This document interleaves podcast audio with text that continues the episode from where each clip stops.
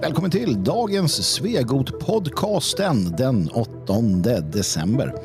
Idag ska vi prata polisen. Ett sorgligt ämne, en kår värdig sin tid. Ja, vi får se. Eh, ack så viktigt är det däremot. Dagens laguppställning, den är består av mig, Magnus Söderman, tillsammans med Jalle Horn. Tjena Jalle, välkommen och hur står det till? Ja, det var många frågor på en gång. Jag vet inte vilken eh, ordning jag ska svara på dem, men jo tack, det står bra till. Eh, jag ska komma inte ihåg de andra frågorna, men eh, vi säger ja på allihopa. Ja, men det är bra, det är bra. Det ska mm. du göra. Säg alltid ja när jag frågar. Uh, vi ska köra lite dagens Vegot-podd tänker jag. Uh, jag måste bara säga det att jag sitter alltså inramad av, eller jag har en, en, en, en levande eld precis bredvid mig i kaminen. Det är så fantastiskt skönt måste jag säga. Det, det, är en lisa för själen att kunna dra igång den där på morgonen när man vaknar. Uh, den stora fördelen med, med att ha en, en ett hus och en kamin. Alltså, måste jag säga. Det är fantastiskt. Kallt har det ju blivit. Uh, hur, hur har du det med värmen? Jo, ja, elementen uh, är ju på. De fungerar. Mm. Kamin har tyvärr ingen, skulle jag också gärna ha, för det är en både stor mysfaktor och en säkerhetsfaktor. Så är det. Eh, det säger, har de ju till och med varnat i tidningarna att ja, men eh, bygg en koja under köksbordet, ja. eller vad det var de sa. Ja, det finns sådana tip, tips och tricks. Det, det, är ju, det, det låter ju absurt. Det, finns, det finns ju vettiga saker med det där naturligtvis. Ja. Och så, men eh, framförallt ha, ha tillgång till kamin om du, om du kan. Det är väl alltså, det viktigaste. Ja. Alltså det är så dumt. Jag, jag, varje gång jag tänker på när de säger att de vill förbjuda, på sikt förbjuda vedeldning. Mm. Det gör, alltså, den här clownvärlden, eh, Jalle, den här clownvärlden, den, den är hopplös. Vi ska prata mer om clownvärlden idag. Eh, mm. Men eh, Ja, jag, jag måste bara meddela ett par vackra saker först. Ja, det gillar vi. Vi börjar med saker. Något. Först vill jag bara fortsätta på det, eh, hur du mår och hur din omgivning här. Att jag tittar ju ut här eh, genom ett fönster och eh, det är så underbart för själen. Jag ser ut över gräset som är, är frostnuppet på det underbaraste sätt. Ja, det är så otroligt vackert när kristallerna bara sätter sig på, eh, på vare sig det är träden eller gräset eller, eller vad du har framför dig. Det är så rasande vackert och så skiner solen och lyser upp det där. Mm. Ja, det är verkligen underbart. Du kan fatta eh, dagarna i Tyskland. Oh. Det finns inte det där. Eh, Nej det här. Så det ska man, även om det är kallt och jävligt tycker man och det kostar mycket att elda och, och, och värma upp så, så är det alltså sagolikt vackert. Då är det nog speciellt att ha alla de här årstiderna eh, ordentligt. Jag måste säga att jag tycker att just det här vi har nu, som du säger med iskristallerna med, med det här, alltså det är inte snö, men det mm. är liksom snövitt, det är fräscht, det är rent, det är vackert det, det här gillar jag som mm. mest. Alltså sen när det ligger 30 decimeter liksom snö, då, då blir jag lite trött på det. Ja, då blir du trött. Det här tycker ja, jag också är fint. Men, ja, det kan vara fint, absolut. Men just det här när det är det här krispiga. Mm. Uh, nej, jag tänkte det att efter att vi är klara här, då ska jag gå ut och ta mig en, en promenad och andas eh, frisk luft. Ja, härligt. Eh, men eh, vet du, jag, jag var iväg igår för att inhandla lite, lite finkläder. Ja, okej. Okay. Och ja, det gjorde jag över, jag vet inte om det var Blocket eller Facebook eller vad det var. Det var, det var second hand, uh, privatperson. Mm. Och det var ju verkligen häftigt. Uh, hon berättade för mig om sina föräldrar. Mm. Jag antar att de inte lever längre. Men hennes pappa hade startat en klä, klähandel mm. i någon småländsk stad. Och i början, sa han, då tog han cykeln och cyklade med ett släp fyra timmar till Borås. Jaha. Som alltså var, eh, det var industri, där låg ju hela industrin ja. eh, för eh, allting som hade med kläder och att sy att göra. Det finns något fint ord för det, jag glömde bort just nu. Mm. Ja, jag vet ja. inte heller, men uh, det stämmer. Alltså, Borås var ju en jättestor jag. Där. Ja, precis. Fyra Som tyvärr timmar. är helt borta ja, ja. mer eller mindre. Uh, och cyklade hem, uh, lastade cykeln eller släpet då med, med de här och cyklade hem. Och det är ju så man gör, det är så man startar affärer. Om man brinner för någonting. Alltså den hårda vägen och långa vägen. Inte bara långa vägen att cykla utan det tar tid att bygga upp det här. Mm. Men om man är driftig då kan man ju faktiskt göra det. Och det är det som har byggt det här landet. Sådana människor. Det är inte sossarna, vill jag alltid påpeka. Det är inte den här eh, välfärdsstaten som de kallar det för, som sossarna har byggt upp. Eh, och en massa andra länder. Det behöver inte vara socialdemokrater just, utan det kan ju vara liksom CDU i Tyskland som har gjort lika mycket alltså ett konservativt parti. Mm. Det är ju inte det som, utan det är ju driftiga människor som har byggt det här landet, som väljer att cykla fyra timmar en väg, packa cykel, cykeln liksom, inte en bil, och sen cykla tillbaka och sakta men säkert bygga upp sin handel. Ja. Det och vet du vad jag köpte då? Nej, vad köpte du för något? Jag köpte en, en smoking. Uh, och uh, ja, men, uh, för hon berätta, ja, men den är svensk-sydd, den är helt sydd i Sverige, mm. det, är, det är ren ull, det är svenskt material, det, och det, det är liksom bästa kvaliteten. Jag vet inte när den kan vara sydd den här, men den håller liksom evigt om inte ja. malen går loss på den. Och ett par skor också. Aha. Och skorna var, eh, det var liksom ett par fina läderskor med, med mm. lädersula. Och det står till och med på insidan svensk kvalitet och sådär. Oh. Det är jäkla häftigt och det tillverkas inte idag. Hon var orolig över att det inte finns någon skoproducent kvar i landet mer eller mindre. Kanske finns en. Ja, det finns en. Jag vet att det finns en som tillverkar kängor åt uh, uh, bland annat åt svenska armén, fjäll, fjäll, fjälljägarna ja. eller vad de heter. Men det, ja. det, det, är en gubbe på typ hundra år som sitter ja, någonstans. Du fattar, det är en gubbe på hundra år. Mm. det är ju nog helt otroligt. Det är så sorgligt när man tänker på det, när sånt här försvinner. Ja, ja visst. Nej, men det är det. Liksom helt, och det är en del av den här, återigen, välfärdsstaten och sociala ingenjörskonsten på något sätt. att Sossarna, de har ju spelat eh, eh, med, med, med storkapitalet.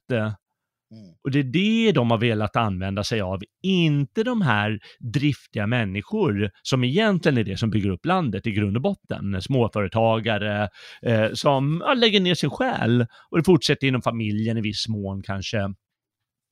Och så. Ja, det, det, det, var väldigt vackert att se det här. Det var otroligt, både att höra berättelsen och köpa de här kläderna och bara se dem och känna dem att det här, det är det som är grejerna. Ja. Men det har ju skevat rejält. Någon gång ska vi kanske ta ett, ett samtal om äh, arbetare och äh, småföretagare, odalfolket och vilka som är vilka och vilka som har gjort vad. För det där mm. är, det har skevat i Sverige för att vi, vi har fått äh, ganska Eh, ganska bizarra eh, uppfattningar på grund av, eller tack vare hur man nu vill se det, eh, socialdemokratin. Mm. Faktiskt. Men vi kan ju börja med, när du ändå pratar välfärd, du pratar ändå sossighet, så kan vi prata Sverigedemokraterna. För att mm. de passar ju lite in på det. De har ju en, en, en, en, en nostalgisk... Eh, ett, nostal ett, ett, ben i den nostalgiska röran som är det svenska folkhemmet av fordon. Man, man hyllar ju Per Albin, man, eh, man vill ha tillbaka folkhemmet. Och, oh. alltså jag, kan förstå, jag kan förstå längtan, men med insikt om vad det leder till, mm. välfärdsstaten och alltså folkhemmet är ju fel. Folkhemmet är en ganska trevlig idé, ett folk med ett hem. Men mm. välfärdsstaten är ju liksom en del av det på något sätt. Mm. Där tycker jag väl att man kanske, ja, jag är inte helt överens, men um, Jimmy Åkesson har varit ute och blivit intervjuad av Dagens Nyheter. Vi har läst ja. den här. Um, vad säger du, Jalle? Är det, något, uh, är det någonting matnyttigt du fick med dig? Eh, ja, först måste jag bara få säga vad jag sitter här och skrattar åt och det är ju att eh, Sverigedemokraterna, är det de som är de riktiga sossarna? ja, ja, det där är en ständig fråga. Vem är de riktiga någonting? Och, ja, det är ja, det. Alltså, om sossarna är de riktiga nazisterna ja. så kanske SD är de riktiga sossarna. ja, precis. Vilka, vilka är de riktiga Sverigedemokraterna då? Ja, det, det blir ju en bra fråga. Det blir det. Är, är det vi det? Nej, kanske vi, jag har ingen aning. Nej, men vi är ju demokrater och vi gillar Sverige. Och, ja. ja. men det ja, kanske är vi. Vet. Det kan vara så. Nej, men det är, det är förstås intressant eh, allt det där. Eh, och eh, innan vi går in på det, bara vad han säger i intervjun där, så kan det vara eh, intressant bara att se att Frågan är om det är strategi, att de vill ha arbetarna med sig, och att de vill ta över den biten, eller om de menar att det är, men det är där folksjälen ligger, mm. hos folket och folket som arbetar och det är inte bara företagarna liksom, som Moderaterna ägnar sig åt och sossarna har ju tappat det mesta. Mm.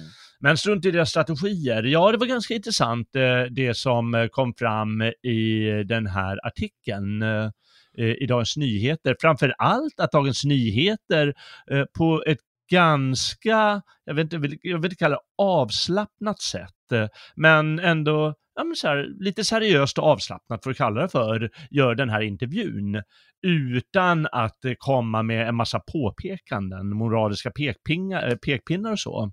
Men precis, det tycker jag är ganska intressant. Ja, jag noterade det också, att, att eh, det här är nog första gången, mm. i alla fall i DN har läst en intervju som, den känd, där kändes det som att personen som intervjuar är mm eh, liksom på min sida och eh, bara vill veta, vill ställa frågor och få svar utan att lägga värderingar, utan att försöka komma åt, utan att försöka skandalisera eller du vet, mm. utan bara mm. hon eller han, nu vet jag inte vem som var där, men var så att säga, det var representanten för en, en person som är blixtintresserad och vill veta vad som, vad som händer. Det, det ska de ha en eloge för, att de för första gången på väldigt länge lyckades med någonting sånt när det gäller Sverigedemokraterna i alla fall. Ja, jag håller med om det. Och eh, det var väl det som kanske var Sverigedemokraternas mål. Mm. Och har varit länge, att inte bara komma in i finrummet då och bli del av etablissemanget, och det är ju en viss kritik som vi har eh, mm. mot dem givetvis, men att eh, att det blir en normalisering av det, där, där, där man inte kan låta bli, alltså det går ju i längden inte att vara att komma med de här, den här sortens eh, artiklar som de haft tidigare i DN, det går ju i längden inte. Det blir ju, folk slutar ju läsa, de kan inte ta det på allvar. Nej, utan de vill ju ha det här där man faktiskt får någon information mm. utan en massa idioti eh, på varannan rad. Och då har de ju verkligen lyckats. Det har de. Och jag menar, visst, det, det, är inte så att det står någonstans att det här är en fördju lång fördjupad intervju. Det är det inte, den är ganska kort och, och så. Sätt. Men, men jag, jag, får med mig två saker. Den, den ena det är att jag märker att han är, Jimmy Åkesson är, det känns i alla fall som att han, eh, för man tar upp svekdebatten efter det här med, med bränslepriset, mm. sänkningen och sådär. Jag, jag har lite svårt att bli arg över det, för att jag förstår hur det politiska spelet går till. Mm. Uh, jag förstår att, jag förstår, alltså jag vet inte hur någon kunde tro att de skulle sänka 10 kronor vid pump. Jag förstår inte hur någon trodde det. Man, man, väljer, och, och, man väljer att tro på valfläsk. Fläsk, ja. uh, och någonstans tycker jag nästan man får skylla sig själv när man gör det. Okay, ja.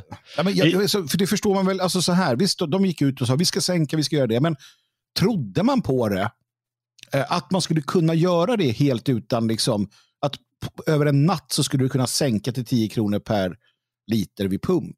Nej, nej men det är klart eh, man inte gör det. Men jag tycker att eh, både Sverigedemokraterna och de flesta andra politiker eh, i landet, eh, de är alldeles för lättsamma med att använda de här. Han har ju gått ut på Instagram tydligen, det var, det var tydligen det och då hade Sverigedemokraterna skrivit eh, i ett inlägg 10 september, säger jag, chocksänkt dieselpriset imorgon, 10 kronor billigare bränsle med vår politik. Ja. Och då menar han, ja men imorgon är ju inte själva ja, det där sänkningen utan att vi ska börja imorgon. Ja, det där var fult när han sa det, där kom politiker Jimmy lösa igenom intervjun. Det där ja, det är ju så. Faktiskt. Och jag tycker att man måste vara lite försiktigare med just vad man lägger ut på Twitter och vad man lägger ut på Instagram och vad man lägger ut på Facebook och alla ja. andra kanaler. Eh, budskapet på något sätt, ibland bränn, man, man, man bränner sig ibland eh, mm. om man gör det fel. För folk blir besvikna, särskilt när det tas upp. Och sen så blir det, sen, i slutändan så inser ju alla att ja, ja, nej men det är klart att jag är dum i huvudet om jag röstade på dem bara för det. Ja. Och jag, för jag kommer inte få det, då, då är jag ju korkad givetvis om jag tror att det sänks 10 kronor imorgon. Nej, men ändå är det så att man, man tänder till av det där. Åh jäklar vad de vill, ja men det är bra. Ja. Och sen så blir det liksom, visar sig att ja, men det är ju en lögn. I grund och botten är det trots allt en lögn. Ja. Där vill jag eh, mana till viss försiktighet. Absolut, jag tycker inte, alltså är du politiker, låt dem inte beslå dig med lögner. Nej, det är också viktigt ja. Just ja. det. Mm. Så att, eh, och det, det, det, enklaste sättet att slippa det, det är att inte ljuga. vet du vad, ännu viktigare är att gå ut och att göra som Jimmy att, att, inte göra som Jimmy Åkesson gjorde här och säga ja men mm. eh, imorgon syftar inte på sänkningen. Det ska väl ses som att imorgon kan man rösta för att sänka den och jag menar att vi är på väg i den mm. riktningen. Vi är besvikna på minimerande av reduktionsplikten, man måste mm. vänta ett helt år, men det är också någonting som har fått förhandla, bla bla bla. bla. Mm. Jag beklagar det. Säg bara ja, nej, den var faktiskt lite väl fräck den där, det, det tycker jag också. Precis. Säg som det är, det är mycket bättre, ja. det tror jag man vinner på. Alltså tänk att höra så här, ah, men vad fan, vi sjabblar här. Alltså det var jävla mm. dumt. Ja, sorry. sorry. Det hade man, det hade man så här, bra, då, då är vi liksom på... Ja, men precis. Mm. En annan sak som jag då eh, tar med mig, som jag ändå, det uppskattar jag och det ger mig lite gott hopp äh, mm. om äh, partiet och, och Jimmy. Det är mm. att han äh, lägger ut korten lite grann om att han han är självmedveten, eller de är självmedvetna om ett problem som kan dyka upp och det är att de blir för försiktiga. Just det. Mm. För att det är ju ett, ett läge där de, eh, de utgör basen för regeringen. De är mm. inte med i regeringen. Mm. Uh, och spelar de sina kort rätt så har de ju kanske det bästa upplägget man kan ha ja. uh, i, i, en tid som denna. Men mm. han säger det att det finns en oro över att man blir för försiktiga och, och inte gungar båten skulle jag säga. För att, och, och, det är helt sant. Blir de för försiktiga då är det här, ärligt talat, det här kan vara början på slutet för Sverigedemokraterna som parti. Mm. Om de schabblar. Ja, just det. Det har vi sett i andra länder. I, i, I, Danmark och Norge och så, där motsvarande partierna har sjunkit väldigt mycket. Mm. Ja, eh, det, det är sant. Eh, det är bra att han är medveten om det. Jag tror ju att de, de har ju en fördel och det pratade vi om för några program sen och det är eh, vi pratade hur professionella de var. I alla fall hade de den inställningen. Mm eh, när de förhandlade sig till det här avtalet och det var de som var liksom mest förberedda, det var de som uppträdde mest professionellt och det var de som ja, tog det mest på allvar, eh, den här eh, förhandlingen, så, så, i alla fall i, i förhållande då till eh, det som blev Losepartiet, eh, Vänsterpartiet i, i den här eh, samtalet vi hade. Precis. Ja, och eh, det är nog en fördel att de har, de, om de kan bevara den professionaliteten, ja. då, kan de, då kan de klara sig igenom det här. Men om de tappar det, då är det risken då att de sjunker som du säger. Mm. Mm. Så de måste vara dugliga och de måste vara alerta på, ja just det, måste kunna kritisera, måste kunna synas också mm. på rätt sätt. Eh. Ja, nej, det återstår att se. Vi, vi, får väl, vi får väl eh, fortsätta följa Sverigedemokraterna helt enkelt och se vad det blir av det här ja. med tiden. Men ja, det ska bli intressant I, att se. Jag vill bara säga en sak, och det tycker jag var, det var faktiskt, jag tycker det var upplyftande. Det är så här små saker man läser som man, som man eh, tänker på. Det var det här eh, blajet av Johan Persson. Ja, just det. Han hade sagt eh, eh, så här korkade grejer. Mm. Brun sörja eller vad det var. Ja, just det. Men han eh, ser ändå ganska eh, bra Jim Åkesson när han förklarade det där. Ja, men då står det SD-ledaren suckar. Mm. Och eh, Alltså, jag tycker inte det spelar så stor roll vad han säger på ett internt möte och framförallt, ärligt talat, finns det nog sverigedemokrater som säger dumma saker om liberaler på interna möten. Mm. Och det får vi faktiskt inte glömma. Det, det, sånt där blåses upp lite för mycket. För det är bara att säga, men vad har inte jag sagt om de här lirarna själv? Ja, men precis. Och... Så, ja, det var flera saker som ändå kom upp i den här artikeln som var ganska bra. Jag blev överraskad över att det var duglig journalistik och det var väldigt ja. skönt att läsa. Ja. Nu går vi väl över till lite hetare ämnen, eller vad säger du? ja, nu blir det... ja, det blir så dumt allting. Vi ska prata om eh, svenska polisen och vi ska prata... Vi ska försöka att inte bli för snaskiga. Va? Eh, ja, det är svårt. Det är, så det är jättesvårt här. Men vi börjar i en annan ände och det är i ja. den änden eh, för det finns alltid fler än en ände på ett rep. Och, och det här repet har två ändar och det har också eh, polisledningen uppenbarligen ända mm. lyktar. Ja, jag vet inte. Så här, eh, vi ser med förskräckelse, fasa och sorg hur vårt kära land sjunker djupare och djupare och djupare ner i en, en, en, en, organiserad brottslighet, en korruption, en, en dumhet som grasserar uppenbarligen, en mm. oprofessionalism som är en, en menar jag, en, en konsekvens av alltså den här woka och alltså både pre eh, nuvarande och sedermera post-woka världen vi, vi någonstans befinner oss i. Um, som gör saker bara så dumt. Och, och jag tror att vi, vi, vi kom väl på att vi skulle prata om det här eh, på grund av en, eller tack vare en artikel vi, vi såg där man pratar om då det, eh, forskaren Hans Brun heter han, mm. som har läst en rapport eh, som handlar just om hur man nu ser på riktigt den organiserade maffia eh, typen av brottslighet eh, ta form ordentligt i det här landet. Något som jag och du och många andra har varnat för i 20, 25, 30 år. Mm. Alltså Sverige har inte haft den här typen utav uh, systemhotande över alltså, maffiaverksamhet som överbrygger då olika um, samhällsinstitutioner som vi börjar få uh, nu. Nej. Nej, verkligen inte. Eh, det, det, är verkligen intressant eh, det han, eh, han menar, när Hans Brun. Han säger att vad, han har undersökt bland annat hur, hur, bedrägerier har ökat väldigt, väldigt mycket. Det vill säga hur man, som ett exempel här, ringer upp en, en gammal kvinna eller man mm. och uh, lyckas lura till sig pengar genom att säga att ja, det pågår ett bedrägeri, du måste hjälpa till, du vet det där vanliga, ja, vi, vi, säg nu ditt bankkonto så ska vi ordna det åt dig. Mm. Eller hur de nu går tillväga. Uh, och sen så menar han då att uh, när det här är väldigt stort, Alltså det, de brotten som uh, begås, det, inkomsten är för de kriminella gängen högre eller mer än narkotikaförsäljningen. Mm. Men vad som händer är att när de här pengarna sen finns inom brottsligheten, det är då det uppstår problem. Mm. För då ska de samsas med varandra hur de ska hålla på med de här pengarna. Och då börjar de göra upp och då blir det våld.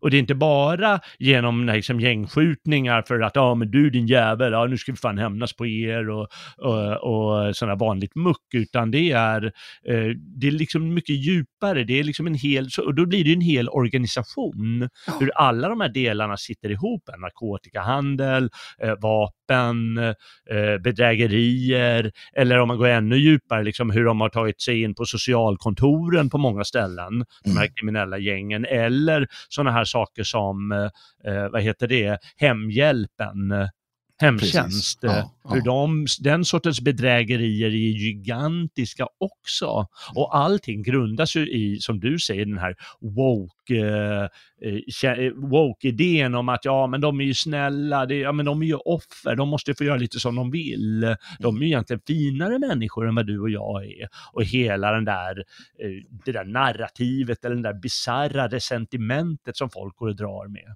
och som, som har legat till grund för politiken, som du säger, i 30 år.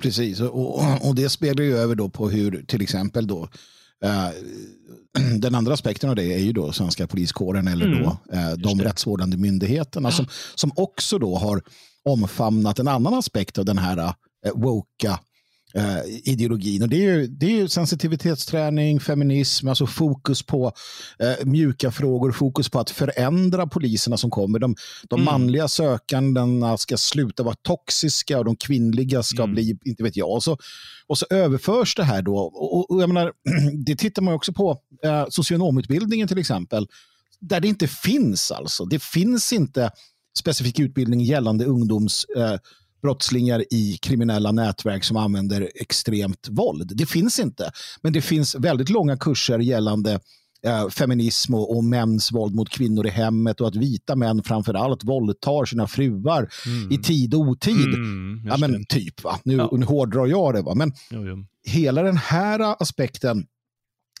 måste man ju väga in. För att vilka ska hindra det? Hans Brun pratar också om att att det, det, det, är terrorfinansiering. Och där får vi då förståelsen för att de här nätverken vi pratar om, de här maffiaorganisationerna, mm.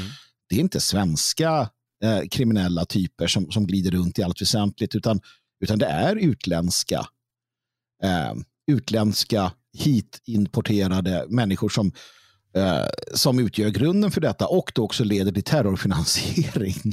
Ja. Um, vilket borde vara väldigt allvarligt för, för den som förstår vad det här handlar om. Liksom. Ja, verkligen. Och eh, de säger då eh, förstås på grund av den här affären som eh, vi ska nämna något om med, med, med fröken eller fru Stav. Det är väl fröken antar jag. Ja, än så länge är det nog fröken Stav. Ja, än så länge är det fröken Stav. Mm. Eh, hur hon då, eh, hur, hur, hennes affärer ja. inom eh, polis och ja, numera eh, försvarsmakt tydligen. Hur poliser då på golvet eller inom organisationen säger, aha, men vi har ju alla de här problemen, bland annat mm. då de som den här Hans Brun eh, lägger fram. Och så ska vi hålla på med sådana här sketna intriger och det ska ta mycket kraft och, liksom energi och synas i media och liksom det, det, det tar väldigt mycket och det tar inte slut heller. Nej. Det, det, det, sunda, innan vi går in på då vad som har hänt för de som inte har eh, fått med sig det, så eh, okej okay, om de här, ja men de blir avpoliterade, de får sparken, eh, de här, och ja, ni får söka nya jobb eller något sånt. Eh, ja, då är det ju över. Mm. Men det är ju inte över, utan det bara fortsätter. För den här ja. fröken Stav då, eh, som du snart får förklara vad hon har gjort, hon har, ja, men då har hon, fått, eh, hon har fått jobb, som min kompis brukar säga, en spark snett uppåt. Hon har fått jobb inom på justitiedepartementet. ja. ja. Det är så tröttsamt. Nej, men vi, vi pratade om Linda H. Stav eh, som eh, 2015, 2016 någon gång eh, blev anställd då, på polisen. Då. Eh, och hon blev det eh, under överseende av eh, den vice polischefen som vi har här i landet mm. som heter Mats Löving. Mm. Han är ställföreträdande rikspolischef. Då. Han anställde henne på den tiden och ganska snart, jag vet inte från början eller ganska snart, så inleddes också ett förhållande mellan de två. Han, han var ju inte bara hennes chef, han, han såg ju till, och det är så jävla absurt när man läser. Alltså han, han satte ju lönerna som alltid ökade för henne uppenbarligen. Mm. Eh, och därtill så, så, gav han henne också möjligheten att bära tjänstevapen. Hon är inte polis alltså. Vi ska liksom i princip konstatera att hon är inte polis. Hon, hon kommer från ett annat håll. Mm. Uh, men, men kläddes upp i uh, uniform och, och liksom kunde vallas runt där. Och så. Och det här har liksom pågått då, uh, den här affären då, tills ehm, tills en anmälan kommer in mot uh, ställföreträdande rikspolischef från Linda Stav mm. som då menar att han har varit elak mot henne, han, har, han förföljer henne, han stalkar henne, han liksom, ja, vad det nu kan tänkas vara. Um, I samma veva som det här, före eller efter, så inleder hon då, eller ja, hon och då överbefälhavaren Mikael Budén inleder en affär. Alltså Mikael Budén, överbefälhavare, är otrogen mot sin eh, hustru med den här uh, hoppan på eh, NOA då. Mm. högst upp i den svenska polisledningen. Um, som leder till en skilsmässa och nu har man då gått ut med att man är ihop de här två. Alltså hon och eh, ÖB. Mm. Det sker en anmälan. Eh, den eminenta polisa, polisiära då, interna angelägenheter. Eh, divisionen tar över detta och det blir inte mycket av det. Det har lagts ner mig veteligen. Ja. Alltså det här, Jalle, det här är alltså det gäng som ska knäcka den organiserade, motiverade, välbeväpnade eh, och, och, och, ekonomiskt starka maffian med mera ja. i Sverige. Men, men du, vadå, hon verkar vara ganska motiverad. Eh... Linda Stav. ja, hon är motiverad att, att, att, eh, att, eh, nu ska vi, hon är motiverad att se om sin egen karriär och hon är beredd att gå över, alltså hon är beredd att, ja. Erövra. Um, erövra mm. makten. Men Ja, nej, men det är självklart det du säger, att jag menar, vi, vi, har, vi har att göra med en väldigt motiverad eh, eh kriminell verksamhet. Eh, mm. En, en maffiaartad, eller maffiaartade organisationer mm. som hotar, som du säger, som är helt systemhotande som det kallas för. Liksom att ja, men de, de här välfärdssystemen och, och allt vad det heter, de kommer, de kommer krackelera så småningom. Tilliten mellan människor försvinner, eh, rädslan ökar. Alltså det, det är ju fruktansvärt och då då håller polisledningen, de viktigaste eh, personerna i landet på, på många sätt, de håller på med sån här Mm. lek och hobby. Ja, men visst, och, alltså, vi vet äh, att när män och kvinnor kommer samman, arbetar nära varandra, man hade ett mentorskap som det hette då mellan Budén och hon Stav och så vidare. Man, vi vet att det händer saker. Det, det är därför jag bland annat är, jag, jag tillhör de som kanske tycker man ska tänka sig lite för i vissa branscher och så när det kommer Mm. Ja. till manligt och kvinnligt. Um, och vi vet att saker och ting kan hända och sådär. Men det, det, vi pratade lite innan, men när det kommer till en sån som Mikael Budén som är överbefälhavare eller när vi kommer till en sån som är ställföreträdande polischef, Mm. då får vi faktiskt ställa högre krav än vi gör på, på Lasse och Gunsan på lagret i Härnösand. Ja, Uh, om det. de råkar hamna i bingen på en fest så är det tråkigt för, för respektive partners och barn och vad det nu kan vara. Det, är- det är inte trevligt på så sätt. Mm. Men, men det hotar inte rikets säkerhet. Men här har vi alltså människor som sitter på de högsta positionerna i det svenska eh, liksom, rättsvårdande systemet som, som inte kan hålla sina kön i, i styr eh, eller som använder det för att erövra makt eh, och klättra i karriären. För det är vad det handlar om, låt oss vara tydliga med det. Mm. Um, och, och, så kan man ju inte ha det. Hur, hur kan de här människorna fortsätta ha kvar sina arbeten? Ja, nej, jag tycker också att det, det, där måste ju ordnas på något sätt av de som har ännu lite högre makt, eh, någon myndighetschef eller vad det nu finns eh, för några inom organisationen och lite högre upp. eh, Precis, men den jäveln ligger väl med någon annan chef. Ja. För det är ju det vi har, det är en clownvärld och det är Ja, det, det är här vi kommer till. Ja, det är det. Du vet, alla eh, har ju väldigt, väldigt stora eh, problem med Carl Bildt. Mm. Han gjorde en grej när han kom, när han blev utrikesminister. Ja. eh, där i, i någon av Reinfeldt-regeringarna, eh, det var att han tog Lars Danielsson, som var den som fick skulden för eh, eh, debaclet eh, i, eh, i och med tsunamin i Thailand, Mm. eh, och satte honom i källaren. Ja. Han fick ett källarjobb. Mm. Han mådde inte bra av det. Nej. Det var, det var Carl Bildts hämnd för vad han hade gjort. Eh, Och eh, det är lite, ibland måste det där göras med sådana här människor som inte klarar av, jag menar en sak är, ja, visst låt dem ha sina älskarinnor. Jag har lite annan syn eh, än vad du har. Med, man får tänka maktens män, de tar för sig, eller de, och kvinnor, eh, de gör lite så, men då måste de kunna spela spelet. Och då måste deras chefer och, och andra kollegor också kunna spela spelet och vid rätt tillfälle ja, avpolitera dem på rätt, sagt, eh, rätt sätt. Hon känner sig den här Linda Stav. Hon skriver att ja, men jag kontaktade den här eh, Ari, han som gjorde en anmälan Stenman, utan hennes, eh, utan att hon visste om det tydligen. Ja, Ännu ja. mer konstigheter. Eh, Kanske, jag vet inte hur det går till i sådana där fall. Men eh, att hon kontaktade, att hon kände sig orolig. Mm. Vadå orolig? Att hon skulle bli, att, hon, att någon skulle knäppa henne, eller vadå? Ja, men precis. Jag menar, hon också- måste ju ha någon sorts för, två, närmast lite så här, eh, lite tvångsföreställningar, men det är någonting som gnager henne och hon gör upp eh, föreställningar hur saker och ting funkar. Ja, men det, är, det är mycket som inte stämmer här. Och då Ja, nej. måste ju cheferna alltså, göra någonting drastiskt med de här människorna.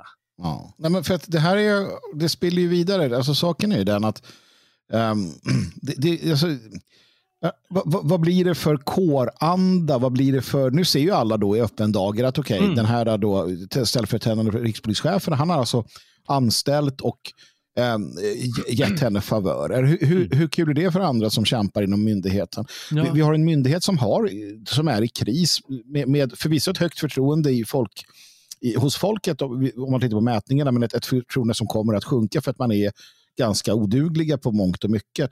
Och så sitter du då och ser det här som, som patrullerande polis. Bara, det, här är vad, det här är vad min polisledning gör, det här är vad cheferna gör. Mm. Och vi, vi har sett annat sånt här. Och det är Mm. maktspel, det är liksom ful, för det är mycket vad det handlar om det här också då med Ari Stenman och, och, eh, och så vidare. Liksom, när vi tittar på, på, tittar på det övergripande så finns det ju väldiga ehm, det finns ju liksom uppenbart så att det är, ett, det, är någon form av konflikt eller maktspel som pågår i Mm, polisledningen. Mm. Och det är ett läge då vi har det som vi har det. Ja, precis. Eh, Jag menar, det har ju till och med kommit kritik eh, mot dem. Det var en forskare som heter Stefan Holgersson, han, ju- eh, han hade ju släppt, släppt en rapport eh, Ja. antar för några år sedan, eh, hur efterlever polisen offentlighetsprincipen? Mm. Och där går jag faktiskt in på eh, den här händelsen eh, lite med hennes eh, roll, Linda Mm. Stav, hur kompetent är hon? Mm. Och då har hon upplevt det som att hon skulle fått eh, sitt jobb eh, på grund av att hon har ett förhållande Mm. med Mm. den här eh, chefen Löving, Mm. vilket jag antar är, det är det vad jag antar, och de flesta antar att det är därför hon har fått det, och högre lön och tjänstevapen och allt vad det innebär. Eh, och då har hon på grund av det också känt sig orolig och eh, gått till den här eh, personen som har gjort en anmälan som hon ville prata med. Mm. Och vad ville hon? Hon kanske blinkar med ögonen, jag vet inte. Nej, precis. Och då är det lite som du säger, att folk faller för det där och inte låter den här kritiken leva, leva och, och göra sitt jobb. Nej, Då ska det dras åt sidan, så ska de här andra intrigerna komma fram mer.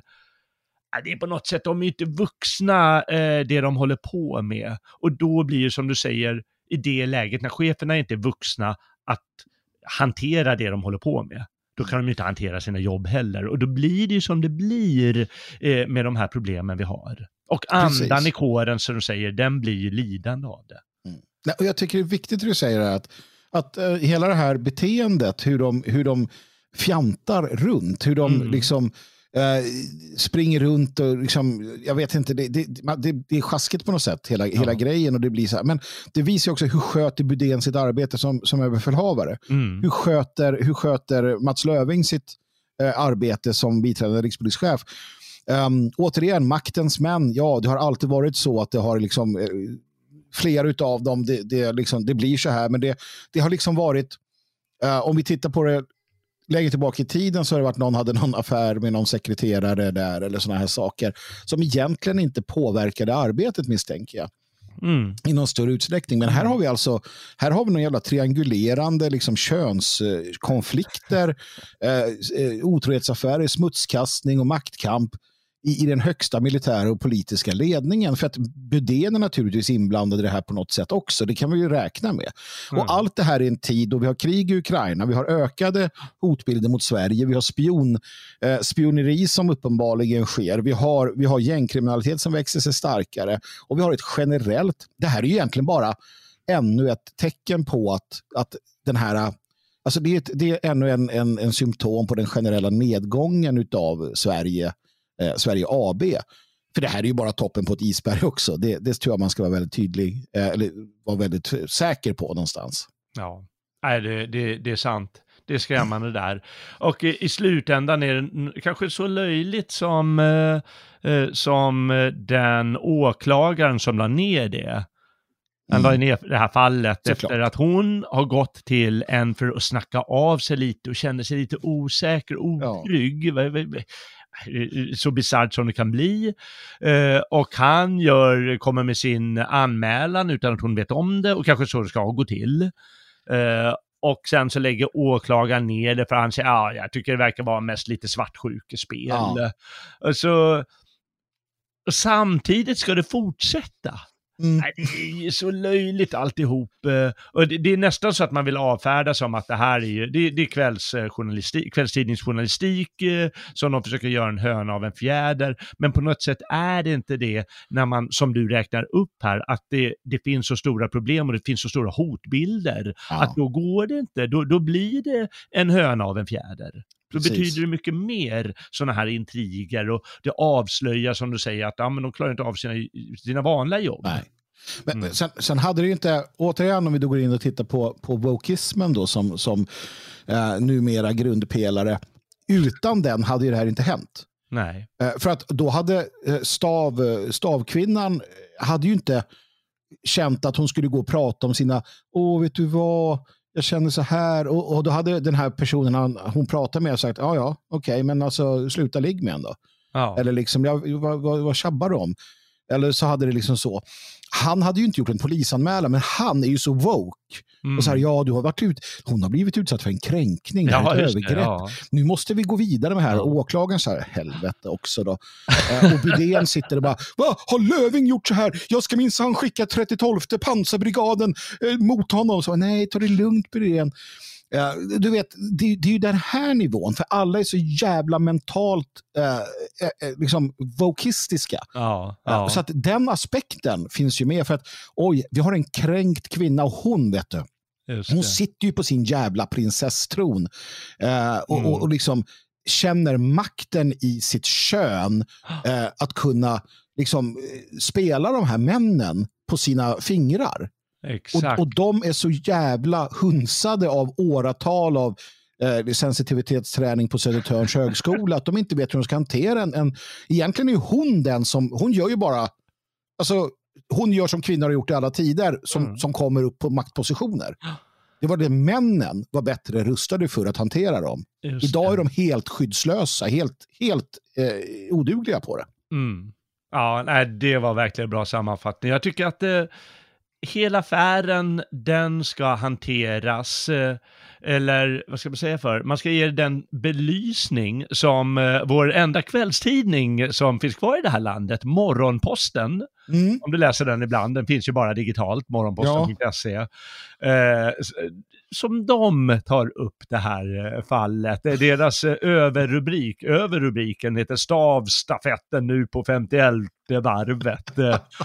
Och eh, då, det, det, hela det här som du tar upp, det, liksom, det, det går igen mm. i, artikel, i de artiklar de, de har om det här. Liksom. Att, mm. ja, men det, de, de tar fasta på att ja, men det är svartsjukedrama och det är hon, hon, hon bilderna de ger av henne är liksom så här, nej. Och det kanske ska hanteras så, men det blir någonting annat när du säger att ja, men de här är ju drabbade av wokeism, alltså de kan ju inte hantera det som de, de, mm. så, som de ska hantera det. Nej. Och därmed blir det ju så dumt alltihop.